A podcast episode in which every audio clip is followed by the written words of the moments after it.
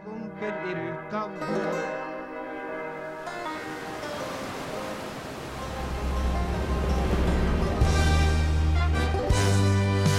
Skumma kultur! Og dermed så humper vi opp og. Det stemmer, du hører på nok en sending av Skumma kultur her på Studentradioen i Bergen. Eh, I dag har vi et spennende program der vi bl.a. skal ta for oss en bok. Vi har, intervju, har et intervju i studio. Eh, det er, har vært kvinnedag, vi skal prate litt om det. Eh, og vi skal ta for oss digital kultur. Eh, det er i, med, bla, I studio i dag så er det meg.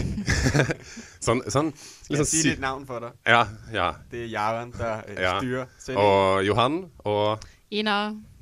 i studio. Hei, hei. Dere får bare prate mens jeg hoster. Ja, er sånn er det å ha sykdom i redaksjonen. Da. Det er også mandag morgen, og stemmen den er litt dårlig. Stemmen er litt Men sånn, det er øh, ok. Fått kjørt seg i helgen. Ja, det, Det, er over med oss. I er sikkert også trett derude. Ja. Folk sitter og studerer, og folk har sikkert vært ute i helgen. Og det ender på en måte litt tidlig. Det er jo mandag morgen. Eh, litt mandag morgen blues, som vi kaller det. Eh, så vi kan jo starte egentlig bare med litt eh, musikk her. Eh, og da. Det er meget godt. hm? Litt musikk og vågne på. litt musikk å våkne på. Her kjører vi i gang med eh, fanfaren.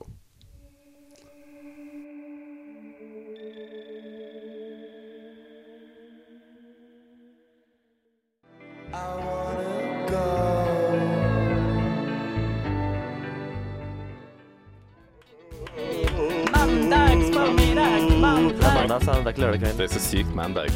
Skummakultur hver mandag fra 11 til 12 på Studentradioen i Bergen. Da bare fyrer jeg.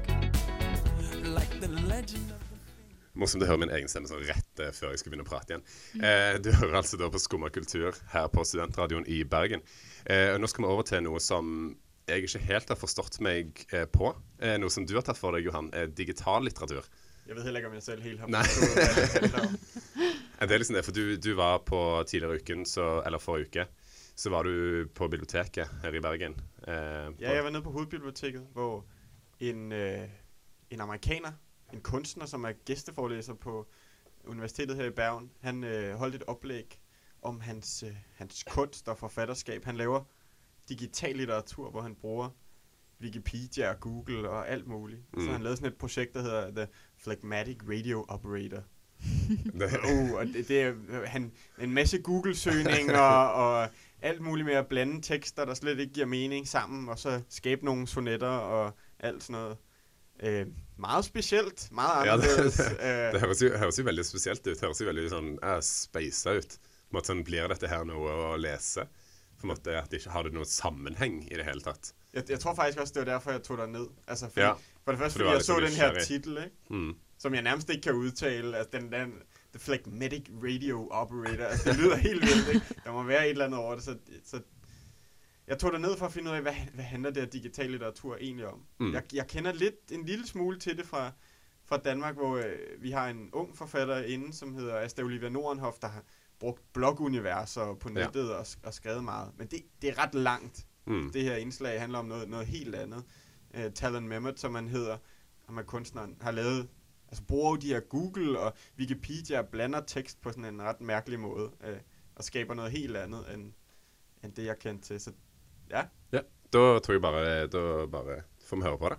Så får folk eh, liksom se for seg sjøl om de, eh, er det noe de kommer til å like. Digital litteratur. Eh, jeg er spent, rett og slett.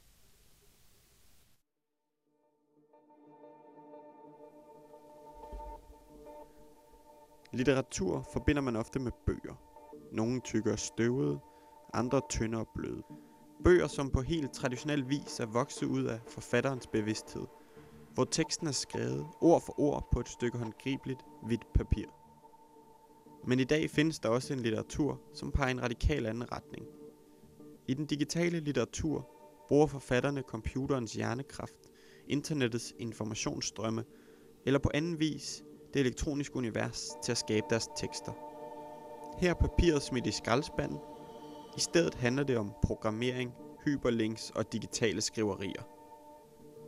Bergens offentlige bibliotek lægger i marts, april og maj hus til foredragsserien Bergens Digital Arena Series. En række arrangementer, der giver publikum smagsprøver på litteraturens digitale scene. Første taler i rækken var den amerikanske kunstner, forfatter og forsker Talon Memmert, der lige nu er gæsteforsker ved UIB. Og denne mandag aften, hvor mørket endnu en gang havde opslugt Bergens centrum, snakkede han om sin digitale ordkunst i auditoriet i bunden af hovedbiblioteket. Memmert griber nemlig ikke den traditionelle sorte pen, når han skal skrive sin litterære guldkorn.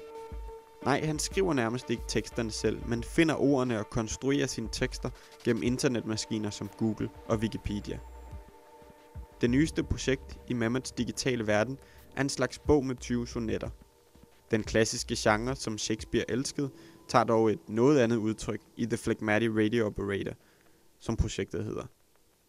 Sonetterne er nemlig et produkt af Mammets leg med Googles gigantiske hjerne.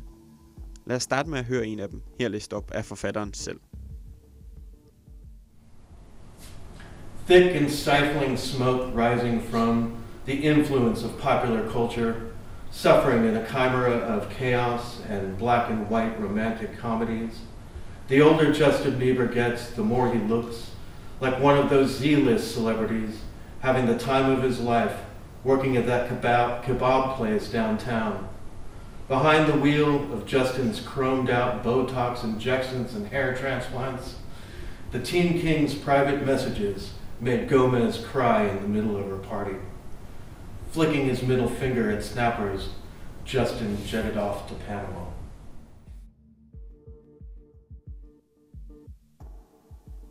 Metoden er egentlig ret enkel. Mehmet skriver en tekst i søgefeltet. Den giver en række hits, altså links til alverdens hjemmesider. Den første linje tager han fra første link, hvor han frit må vælge mellem ordene på siden. Han klipper dem fra siden og sætter dem ind i Word-dokumentet.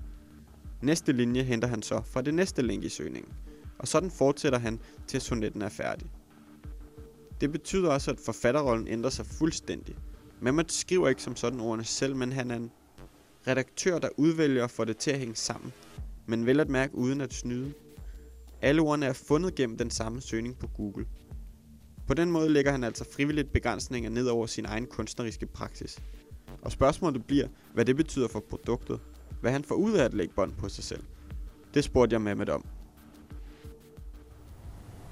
Um, what, well, I gained surprise that coherence can be maintained uh, across contexts. Um, I, I think that's interesting, and, and also from like a, a, in terms of a sy- syntactic study and grammatical study of language, it's interesting to me.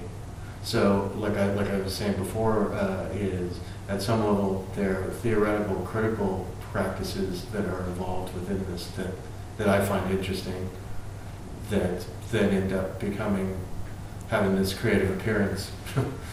um, you know, so, uh, but also like I, I, the idea of uh, combinatorics, I think is the, the root of a lot of this stuff. That's it, this sort of malleability of language and the, the sort of transfer thing is interesting to me. You know, so I'm, I'm excited that I'm excited by the results, and that's what I think that's what I gain is that uh, uh, you know better understanding of language and more kind of deconstructive as, uh, understanding of language, and uh, uh, you know this kind of creativity based on recombinance.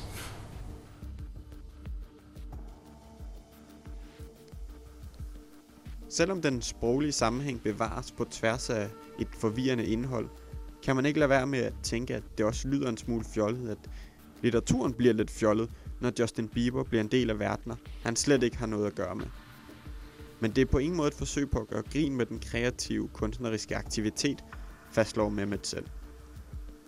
Der er i hvert fald ingen tvivl om, at Mehmet og den digitale litteratur leger med sprogets grænser og sammenhængende. Den udfordrer. The Phlegmatic Radio Operator bevæger sig på niveauer, der mest af alt minder om sprogteoretiske eksperimenter. Men måske er det netop derved, at Mehmet er med til at udfordre vores syn på litteraturen. Jeg fik i hvert fald udvidet min litterære horisont denne mandag aften på Hovedbiblioteket. Der hørte vi Johans innslag om digital litteratur.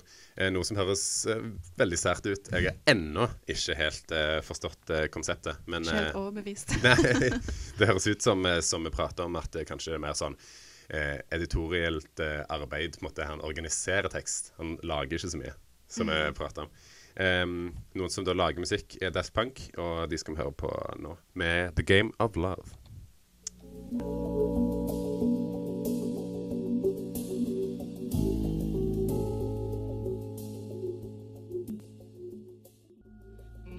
I just wanted you to stay. Vi har med oss eh, Oliver Oppheim i studio, som eh, nettopp har eh, gitt ut en eh, roman som heter 'Mannen går på bar'. Eh, og vi har tenkt å bare høre litt om eh, hvordan det er å være en ung debutant, og ja, hva boken handler om. Så Oliver, du studerer vanligvis litteraturvitenskap i London. Og, eller master er du begynt på nå. Ja, ja. Eh, har du fått behov for eh, studiene dine i denne boken, eller er det bare en ja, jeg vil jo si det. For nå har jeg, har gått eh, tre år her i Bergen da, mm. på litteraturvitenskap. Og jeg ville vel ikke vært de årene foruten Jeg tror ikke jeg hadde skrevet en bok så tidlig hvis ikke jeg hadde gått på litteraturvitenskap. Nei. Det er jeg nok ganske sikker på. Men eh, når eh, skjønte du at eh, du hadde talent for å skrive? Eller når startet interessen egentlig for Han har vel egentlig vært ganske lenge når jeg skjønte at jeg hadde talent. Jeg ikke, Men jeg har jo alltid fått greie karakterer i norsk og sånne ting. da Og, og så begynt på litteraturvitenskap, og da begynte det liksom bli et litt mer seriøst preg på det. Eller jeg begynte å lese mer og skrive mer, og jeg begynte å lese mer seriøst da når jeg leste bøker. Prøvde å se hva som var bra, hva som var dårlig, og sånne ting. mm. Det er vanvittig mange eh, bøker man leser på litteraturvitenskap, har jeg skjønt. Det, Det er en del bøker. ja. Men er det sånn at lærer de deg på en måte en viss smak, eller ja, du, du må jo liksom følge den kanoen som de har satt opp. Da. Så det blir jo til at du leser Du leser vel opp fra det begynner Første kurset og det var vel alt frem til 1700-tallet eller noe. At du begynner med Omer og de gamle gamle klassikerne? Ja. Mm. Og så begynner du vel å, fra 1700 til uh, i dag nærmest å lese Dostojevskij og alle de der uh, Kafka. Og, så du følger jo den litterære kanoen som de har satt, og som er den Det er, det er mye, klassiker, mye klassikerverk, da. Mm. Hvad så, når man begynner å skrive? Sidder man så med kanonen øh, foran seg, altså de her store verker, og tenker jeg skal skrive noe, men det må også være en ærefrygt. Ja, du gjør jo det, men samtidig det høres litt skummelt ut òg hvis du skal liksom ha de autoritetene hengende der. Og da blir jo alt du skriver, ganske dårlige forhold, da. Men uh, du ser jo opp til Jeg tenker liksom du må se opp til de store. Da skal du liksom det, Du kan jo se opp til Nesbø liksom. Men det blir jo ikke veldig bra litteratur hvis du skal liksom drive og prøve å kopiere Nesbø. Da bør du heller kanskje prøve å skrive like bra som Hamsun. Og ha det som mål, i hvert fall. Et sånt slags hårete mål, Mm. tenker jeg da. Det er egentlig ja, det tenkte jeg var et smart mål. Strekke seg etter de absolutt største, Ja. så får du heller lande i midten, kanskje. Eh, men ja, tilbake til boken din, da. Eh, den handler om en eh, middelaldrende mann som egentlig drikker seg fra livet, da. Uh, jeg tenker det er en ganske tung og syndig bok å skrive for en uh, ung sjel. Ja, det er mange som sier det, men jeg vet ikke Kanskje skummelt å si, men det kom ganske naturlig. Det var ganske enkelt å skrive boken sånn sett, da. Men det handler jo liksom, Jeg har jo bare satt meg inn i en middelaldrende manns Det er vel et slags frivillig forfall. Han søker til barkrakken og til uh, pilsen, og det er der han liksom Det blir fristedet hans, da. Der han kan uh, Der alt annet rundt Du kan glemme alt annet. Han sitter bare på barkrakken og drikker. liksom. Livet hans er ganske enkelt sånn sett, da. Men han, har jo, han Mm. bærer jo på mye skyld og skam som han prøver å unnslippe. Det er derfor han liksom Han søker vekk fra omverdenen. Men samtidig så er det når han først Først når han begynner å drikke, at han begynner å møte sine egne demoner. sånn sett i Begynner å tenke tilbake til fortiden og de, alt det han De valgene han har tatt, og det han kanskje angrer på. Og Han møter på en måte seg sjøl i døren når han sitter der og Mm. drikker. Men hvad, hvad er det, rosen kan? Hvad er det, alkoholen kan gøre ved os? Og hvorfor akkurat øl? Ja, Nei, ja, men jeg tenkte liksom øl og Nå er det faktisk en dansk roman som jeg er ganske inspirert av. Det er Tom Christensens 'Hærverk'. Den er vel fra 1929. Og der handler det om en Han er vel litteraturkritiker som Ole Jastrøy, som velger å drikke seg sjøl Han drikker seg fra hus og hjem og unger og barn, og han går i høne, da i København, som er en veldig kul bok som jeg har vært veldig inspirert av. Og trukket veksler på, da, uten å kopiere, selvfølgelig. Uten å, men bare brukt den inspirasjonskilde. Jeg ville gjøre noe lignende. Ville liksom ikke, Det er liksom noe med Litt fascinerende, dette med den bar-atmosfæren og det å drikke og hvordan du, du blir jo en slags et annet menneske. Mange blir det iallfall. Mm. På godt og vondt. Mye vondt. Det blir jo en slags livsstil, tenker jeg, i hvert fall når man eh, når, han er så, drikker når du blir så dedikert til forfallet som han blir, så blir Ja. det ganske destruerende og veldig, veldig sk sk skadelig. Da.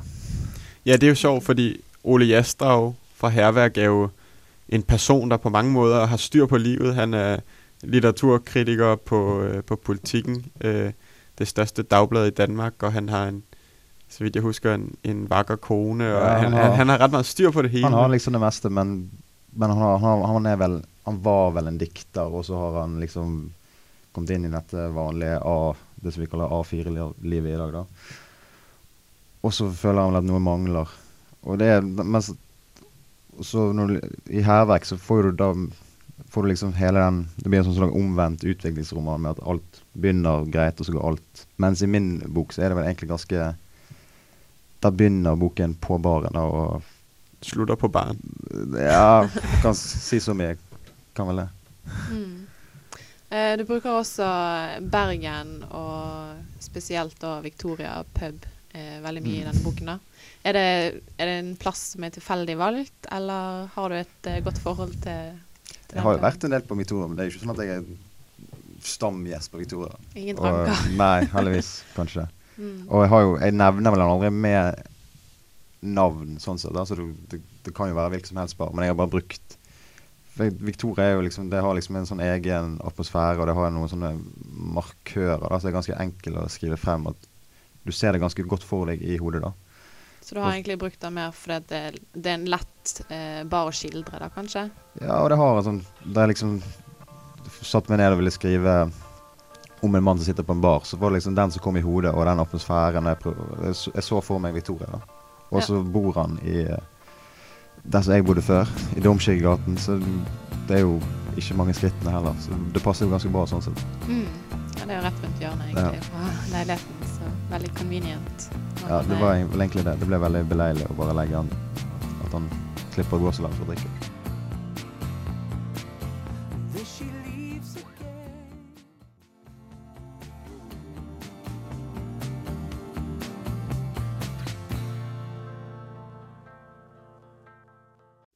Ja, tror du alle kan ha glede av å lese boken din, eller at de kan relatere seg til, til hovedpersonen?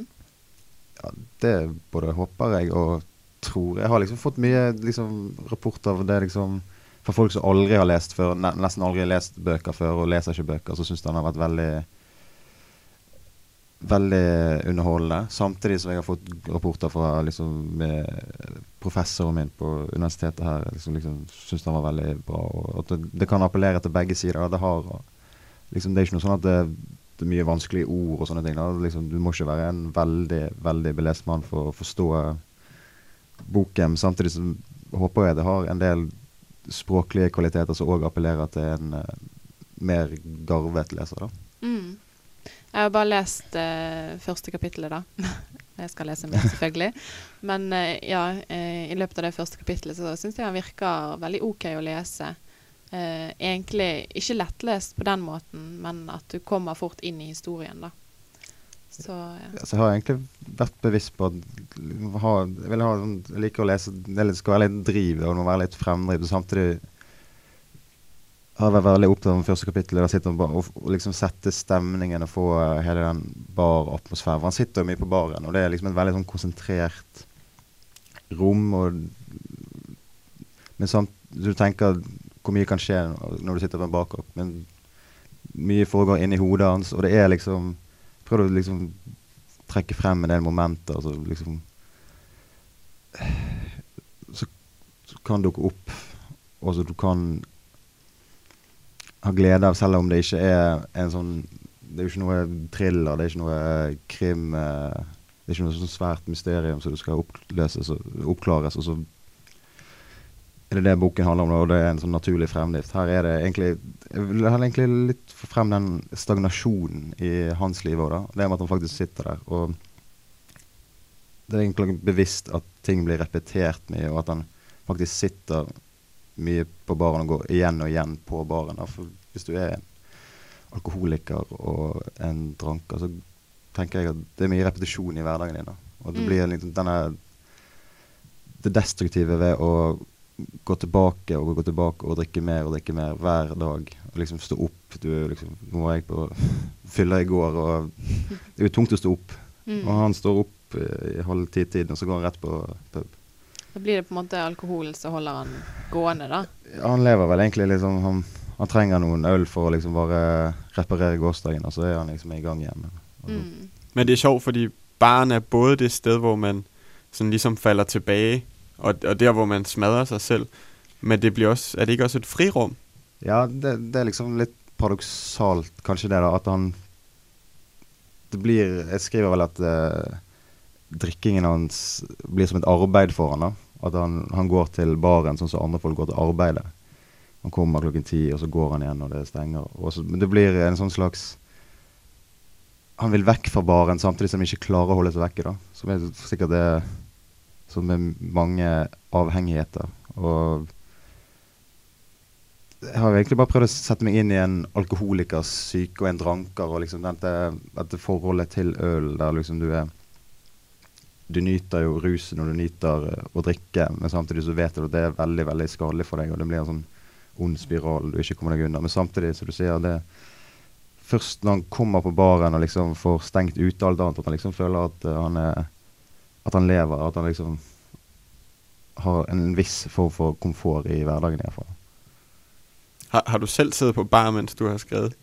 Jeg har vel Nå bor jeg i London, så det er jo det er mye puber rundt om. Og det er jo mye triste skjebner på noen barkrakker rundt om òg. Men eh, vel, det er ikke sånn at jeg har sittet og studert folk og skrevet ned hva de gjør, og liksom fulgt etter dem og sånn. Det er ganske Det meste av skrivingen har vel skjedd på ved et skrivebord, for å si det sånn. På, og jeg pleier å stå opp ganske tidlig, syv-åtte-tiden, og så skrive i noen timer, egentlig. Så har det vært lett for deg å, å skrive boken og sette seg ned, eller må du på en måte ta det når du, når du har det, eller får en idé i hodet på hvor du kan gå videre? Du må egentlig bare sette deg ned, og så For jeg har, jeg har en sånn omriss av hva jeg tror kommer til å skje, men eh, når jeg startet romanen hadde, Jeg visste ikke hvordan det skulle ende, men jeg hadde liksom sånn Han skulle sitte på bar, han skulle være alkoholiker, han skulle Det skulle skje i Bergen. Jeg var veldig bevisst på jeg ville ha inn den atmosfæren av Bergen som by, da. For jeg, det, er, det er vel en del romaner. Du har vel Espedal og Nødtvet og sånn, men det, det er ganske få skikkelige bergensromaner, føler jeg. da. Og jeg liker å lese om uh, bøker der du får et sånn inntrykk av byen. Altså, du får et inntrykk av København i uh, hærverk, og du får et inntrykk av Dublin i Ulysses. Og du, disse Jeg liker sånne romaner, da. Og så prøvde jeg å Og Bergen er jo en ganske takknemlig by å skrive om, for det er så konsentrert. Det er så lite og kompakt, og det er masse barer og Så det var egentlig veldig gøy å skrive om Bergen sånn sett. Mm. Tror du at det er gøyere for en eh, bergenser å lese boken din enn f.eks. Johan her, som er fra København? Eller? Jo, men liksom samtidig så liksom, Jeg har jo faktisk Jeg har faktisk aldri vært i København, da. Men jeg hadde jo stor glede av å lese om København i hærverk. Og jeg, det, jeg hadde liksom lyst å Det er det jeg har, håper jeg har klart. da At du liksom Du får lyst til å reise til Bergen og lese det, kanskje. da Mm. Får håpe på det. Ja. Men eh, det, har, det er jo alltid Folk har jo sagt liksom, For jeg nevner jo ikke Victoria med navn, men folk som har vært der, skjønner det ganske greit. Mm. Og det syns jo de er gøy, denne gjenkjennelsesfaktoren, samtidig som det er liksom en sånn En Oslo-borger som aldri har vært eh, på Victoria, ville jo ikke koblet hva liksom, For han blir det hvilken som helst bar, mens de som har litt Du må nesten ha vært der, kanskje, Ja, og ha litt kjenne, til det. De får en, kanskje en sånn gjenkjennelsesfaktor som er gøy le, gøy å lese om. da. Mm. Um, ja, et siste spørsmål, da. Uh, har du noen nye ideer på en ny roman, eller? Jeg har vel jeg har en del ideer, kanskje. Jeg, jeg skal begynne å jobbe, og jeg vil legge neste roman til Bergen òg. Det er liksom sånn Kanskje ikke skrive om en eh, alkoholiker sånn som sådan, iallfall. Men eh, kanskje sette meg inn i litt flere personer på en gang. Nå er, liksom, nå er jeg veldig tett opp til han og hans tank tankeregister og følelsesregister. Og hele samtidig som jeg, det er skrevet i tredjepersoner. Mm. Men eh, jeg tror jeg vil gjøre noe lignende iallfall. Jeg vil de, helt klart uh, skrive om Bergen igjen. Men nå har jo jeg en master som jeg er ferdig i september, så kanskje jeg skal heller la ideer jobbe litt, kverne litt, og så kan jeg begynne å skrive litt igjen når uh, Mer profesjonelt, hvis du kan si det sånn. Mm. Etter at jeg har levert masteren og fått unna det. da. Nå er det jo ikke lenge siden denne her eh, mannen som går på bare kom ut heller, Nei, så det er jo lov å ta en uh, pause. Ja. Konsentrere seg litt om studiene igjen. Ja, det kan sikkert være greit. Tror min, bro, min mor blir sikkert glad da. Mm. Tror jeg så absolutt. Uh, ja, vi sier tusen takk til Oliver Oppheim, og lykke til videre med både studier og nye romaner. Takk for det.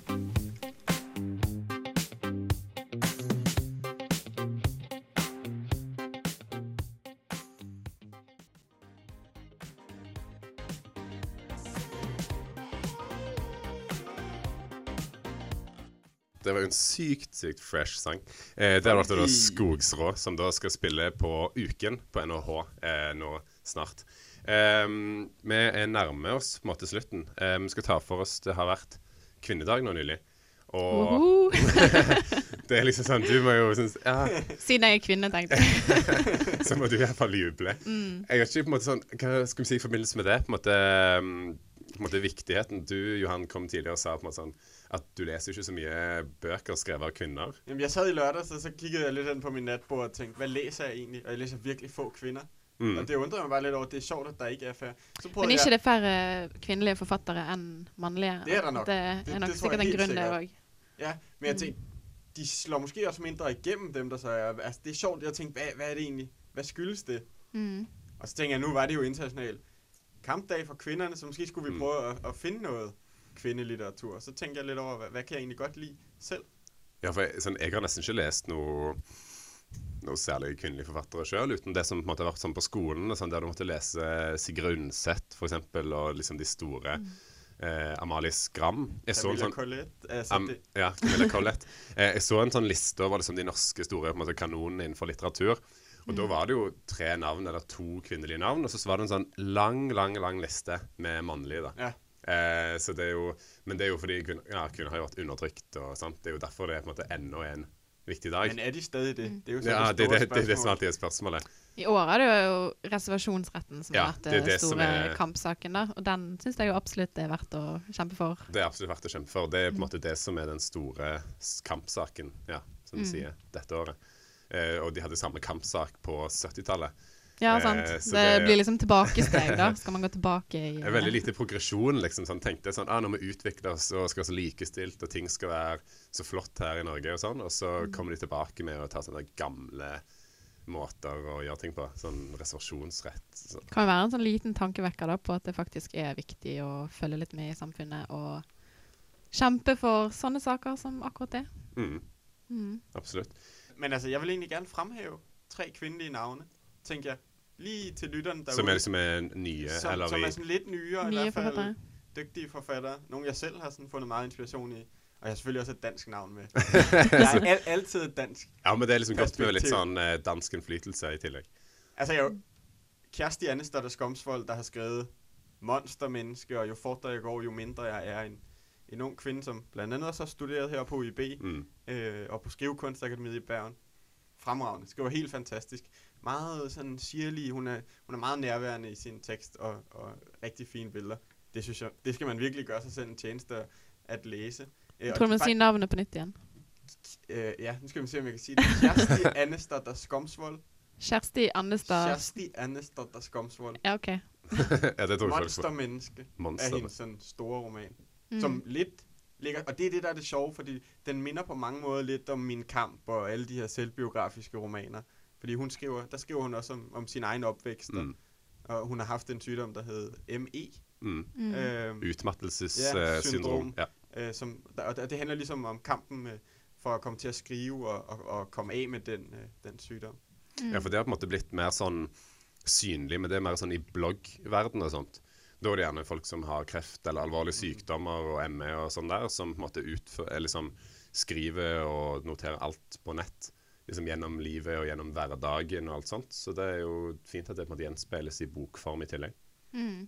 Så Ja. får du Ja, det er jo, det er jo meget sjovt, fordi det er litt uh, Espedal og Knavsgaard Ja. ja. og Per Pettersen, der liksom er løbet med all oppmerksomheten. Ikke? Men jeg synes, hun er litt et eksempel på, at, at der også er noen, noen interessante kvinner. mm. Helt sikkert.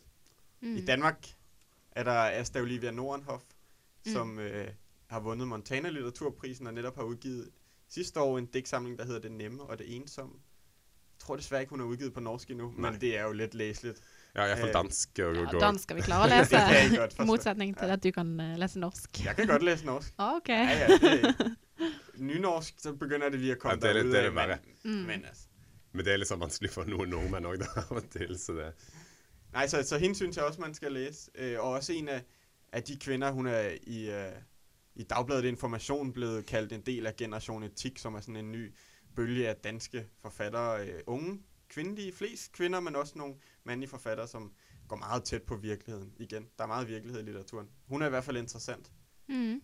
Og så det sidste navn, jeg egentlig vil have med, er egentlig ikke en, jeg selv har læst. Men jeg tænkte bare, vi har alle sammen læst Knavsgaard efterhånden. mm. Så nu var det Alle, internationalt. ja, Knavsgaard og Espedal har Ja. liksom alle på en måte Eller som er inter- Alle kjenner i hvert fall til det. Jeg kjenner til navnet og personene, i hvert fall bak. Nu er Mm. Knavsgaards kone, Linda Brostrøm eh, Knavsgaard, netop oversat her i januar til norsk og dansk. Mm. Hendes nye roman, Helios-katastrofen. Mm. Så skal vi ikke læse den? Det synes jeg... Ja, det hadde vært eh, Det er interessant. Ja. Måte, er det, vet du om det er mer sånn selvbiografisk eller selvopplevd? Selvbiografisk. Eller nei, det er liksom fiksjon. Det er fiksjon. Ja, okay. episk. Ja. så. Mm. så her var det lige tre navn man Ja. kan uh, gå litt videre med. Absolutt veldig gode tips. Veldig gode Mm. tips her mm. fra ut. Johan. Eh, og over fra litteratur til eh, måtte, en en event som nå skal skje på tirsdag, for å bare vri det helt om. Eh, og prate litt om oss sjøl, og om meg sjøl. Eh, så på tirsdag så bør alle befinne seg på Frille, eh, Frille og Dyvikes vinkjeller eh, klokken halv syv. For da er det kulturelle toner eh, med Endre Tveit fra Skrivekunstakademiet. Eh, Lykke Kristine Moen, skuespiller og regissør. Pokal, altså bandet Pokal, Aim og Alex Weiss. Så det er liksom en, da en event med, for, med ja, konserter og litt intervjuer. Og du bag mikrofonen. og, og jeg leder det jeg leder det hele sammen med Siren Døvik fra Trigger Bergen, som det er musikk. Så det er musikk og kultur som blander sammen og prøver å skape noe trivelig kulturelt her i Bergen. Og det er gratis, så det er tirsdag på Frille klokken halv syv. Så det bør alle være. Mm. Gå. Gå, det, ja, ferdig med reklame nå. Selvreklame er godt. Er over, til, over til der, kanskje. ja. Eh, så det er egentlig det. Eh, nå mye prat, mye prat, eh, så kanskje vi skal fyre i gang med litt eh, Jeg vet ikke om dette her blir kvinne... Sex Pistols er opprørsmusikk i, i det minste, så det er du som har valgt ut, Johan. Vi fyrer i gang med det.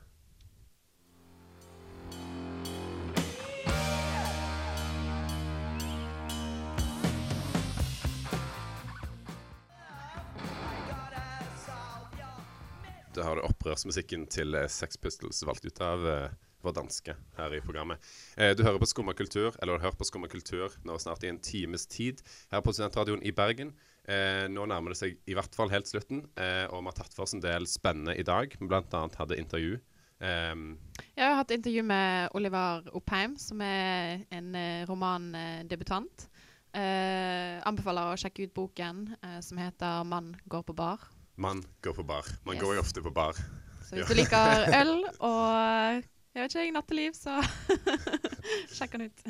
Ja, man skulle også, altså han snakker jo meget om det her med, at man skulle få en god fornemmelse af Bergen også, ikke? Og livet i verden. Så det synes jeg, Mm. igen, forfattere, der skriver om Bergen. Enda mer uh, Bergens, eh, Bergens bok, liksom. Vi har, vi har faktisk snakket meget om litteratur i dag. ikke? Så har vi snakket om digital litteratur, vi har talt om kvindelitteratur. Og Mm.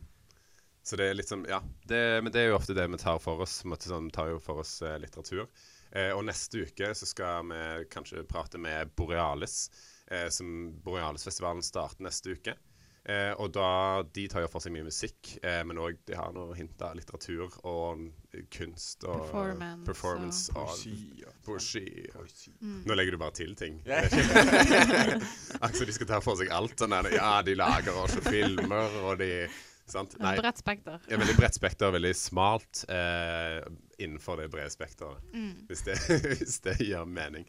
Um, vi takker for oss. Eh, mitt navn er Jaran, og jeg har hatt med meg Johan. Og Ina. Yes, det er en god trio her på Studentradioen i Bergen. Eh, håper du har uh, hørt på og syns det har vært uh, noenlunde OK og kjekt å høre på. Eh, så høres vi igjen om en uke. Vi avslutter med Neil Young sin sang. Ha det bra. Ja, det. er Skal det. vi lige sige farvel, ikke? Kan jo si farvel. Eh, Du har så travlt. jeg har det så travelt. Må jo fyre i gang med Neil Young sin Harvest. Så får alle harvest litt eh, kultur. Fremragende nummer. Snakkes. Kom mandag. see